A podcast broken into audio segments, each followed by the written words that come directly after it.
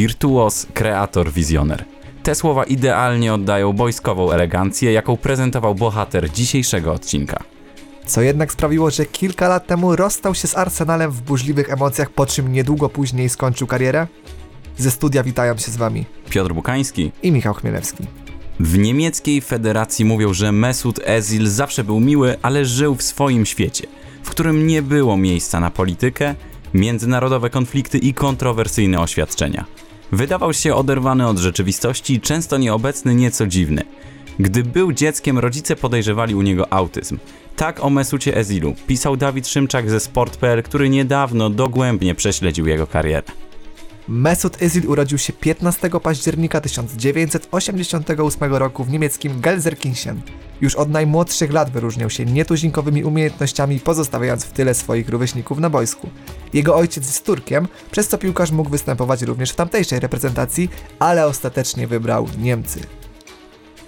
13 lat temu Matthias Sammer, dyrektor sportowy niemieckiej federacji, by ułatwić młodym piłkarzom rozwój i wejście do seniorskiej piłki, podzielił ich na trzy grupy: przywódców, zawodników zespołowych i indywidualistów.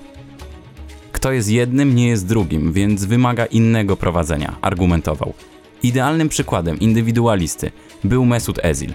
Kreatywny, nietuzinkowy, doskonały technicznie, a jednocześnie oderwany od zespołu.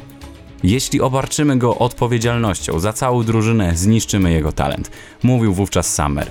Przez całą karierę Ezila diagnoza ta wydawała się trafiona.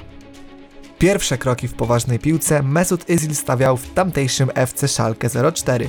W barwach tego klubu zadebiutował w 2006 roku. Już w rodzimym zespole otoczenie Mesuta Özila nie pomogło mu zbudować renomy i dobrej pamięci. Jednym z największych problemów byli właśnie ludzie i doradcy, którymi piłkarz otaczał się podczas kariery. Za czasów gry w szalkę, jego ojciec Mustafa wmówił mu, że jak przystało na ofensywnego pomocnika, musi występować z numerem 10 na plecach. Problem w tym, że wtedy niemiecki klub sprowadzał Iwana Rakitica z FC Basel, dla którego już był przygotowany trykot z wymienionym numerem. Ojciec Ezila wściekł się do tego stopnia, że groził odejściem syna do innego klubu i tak też się stało. Po niespełna dwóch latach gry dla Schalke piłkarz przeszedł do Werderu Brema, z którym sięgnął po wicemistrzostwo Bundesligi i Puchar Niemiec. Jednym z najlepszych okresów Mesuta Ezila był 2010 rok, w którym odbył się Mundial w RPA. Wtedy pomocnik wraz z reprezentacją Niemiec prezentował kapitalną formę. Uh.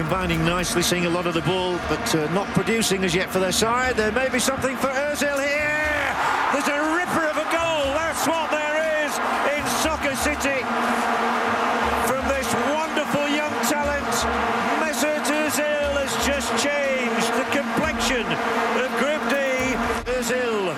Co prawda mistrzostwa nie udało się zdobyć, jednak dyspozycja Mesuta Ezila była na tyle dobra, że zainteresował się nim sam Real Madryt.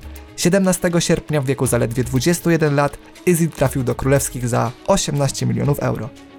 W Realu Ezil prezentował się świetnie. Wraz z Karimem Benzemą i Cristiano Ronaldo tworzył kapitalny tercet ofensywny, w którym Niemiec był odpowiedzialny za serwis.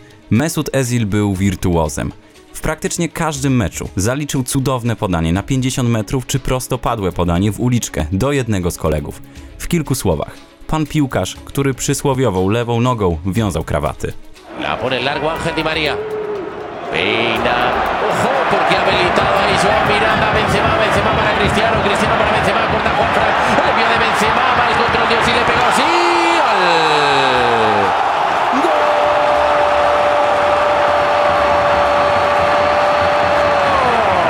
Ezilem w składzie królewscy sięgnęli po Mistrzostwo Hiszpanii w 2012 roku oraz dwukrotnie zdobywali Puchar Króla. Po trzech latach w Madrycie Niemiec za namową ojca niespodziewanie odszedł z klubu. Protestowali wszyscy. Trener Realu Jose Mourinho, Ronaldo, kapitan Sergio Ramos, dosłownie wszyscy. Mimo to Mustafa Ezil znów uparł się na transfer, którego nie dało się już zatrzymać. Ezil przeszedł do Arsenalu za 47 milionów euro, gdzie początkowo był kluczowym pomocnikiem. Początkowo, ponieważ później wszystko zaczęło się sypać. W zespole kanonierów Niemiec znów odznaczał się na boisku elegancją, dając drużynie mnóstwo jakości w środku pola. And there's no flag this time, and Özil with a chance to win it. It's Mesut Özil, and Arsenal have done it. May have scored the winner here tonight. Jednak sezon po sezonie jego gra stawała się coraz wolniejsza i mozolna. Forma Niemca była nieregularna, przez co często zaczął siadać na ławce rezerwowych. Oprócz tego futbol rozwinął się w kierunku szybkości i fizyczności, przez co techniczne dziesiątki odchodziły w niepamięć. Kiedy Anser Wenger odszedł z posady trenera Arsenalu, nowym szkoleniowcem został Unai Emery. Hiszpan niechętnie widział Messyta Ezila w składzie, a Niemiec z tygodnia na tydzień coraz bardziej irytował się swoją pozycją w zespole. Emery preferował ustawienie, które ograniczało pozycję ofensywnego pomocnika praktycznie do zera. Mimo to Ezil nie potrafił pogodzić się z rolą w drużynie i pracować na kolejne szanse.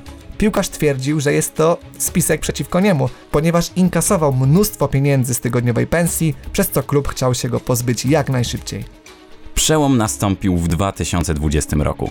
Arsenal nie zgłosił Mesuta Ezila do żadnych rozgrywek, co miało zmusić go do samowolnego odejścia. Podkreślał, że zawiedziony narzekał na brak lojalności. Dalej sugerował spisek i powtarzał, że klub karze go za polityczne oświadczenia. Mimo to nie chciał odejść i na złość klubowi wypełnił kontrakt do końca. W międzyczasie zespół przejął Mikel Arteta, który mówił: Ezil dostał bardzo uczciwą szansę. Nie wykorzystał jej i to również moja wina. Zawiodłem jako trener, ale te decyzje podejmuję z czystym sumieniem. Od marca 2020 roku Ezil nie grał w piłkę. Dopiero w styczniu 2021 roku oficjalnie rozwiązał kontrakt z Arsenalem i przeszedł za darmo do tureckiego Fenerbahce. Tam Ezil w niektórych spotkaniach dawał przebłyski formy z dawnych lat, jednak nie był już to ten sam zawodnik. W Fenerbahce spędził półtora roku, po czym na zasadzie wolnego transferu trafił to Beshakshiru. W marcu tego roku Mesut Ezil w wieku 34 lat zakończył karierę piłkarską. Po dokładnym namyśle ogłaszam natychmiastowe zakończenie mojej profesjonalnej kariery piłkarskiej. To była niesamowita podróż, pełna niezapomnianych chwil i emocji, zaznaczył piłkarz. Dziękuję wszystkim moim fanom, którzy okazali mi tyle miłości bez względu na okoliczności i na to, który klub reprezentowałem, dodał. Napisał, że nie może doczekać się czasu, który spędzi żoną i córkami. Do zobaczenia, zakończył Mesut Ezil. W sumie piłkarz rozegrał we wszystkich klubach niemal 600 spotkań, w tym 159 w barwach Realu i 254 w drużynie Arsenalu. Zdobył 98 bramek, zaliczył 133 asysty, a w 2014 roku wraz z reprezentacją Niemiec zdobył Puchar Świata podczas mundialu w Brazylii. Czerwona kartka w przypadku Mesyta i Zila nie ma krwisto-czerwonego koloru, jak to bywało w innych historiach, które znajdziecie na naszym kanale. Mimo to ze względu na niezrozumiałe transfery, doszukiwanie się spisków i nieodpowiednich ludzi wokół, Ezil z pewnością nie utrzymał się na najwyższej piłkarskiej półce tyle, ile powinien. Jeżeli słuchacie nas na Spotify, to koniecznie poświęćcie chwilę, żeby zaobserwować nasz podcast i koniecznie ocenić go, najlepiej na 5 gwiazdek. Zapraszamy już za tydzień na kolejną dawkę ciekawych piłkarskich historii.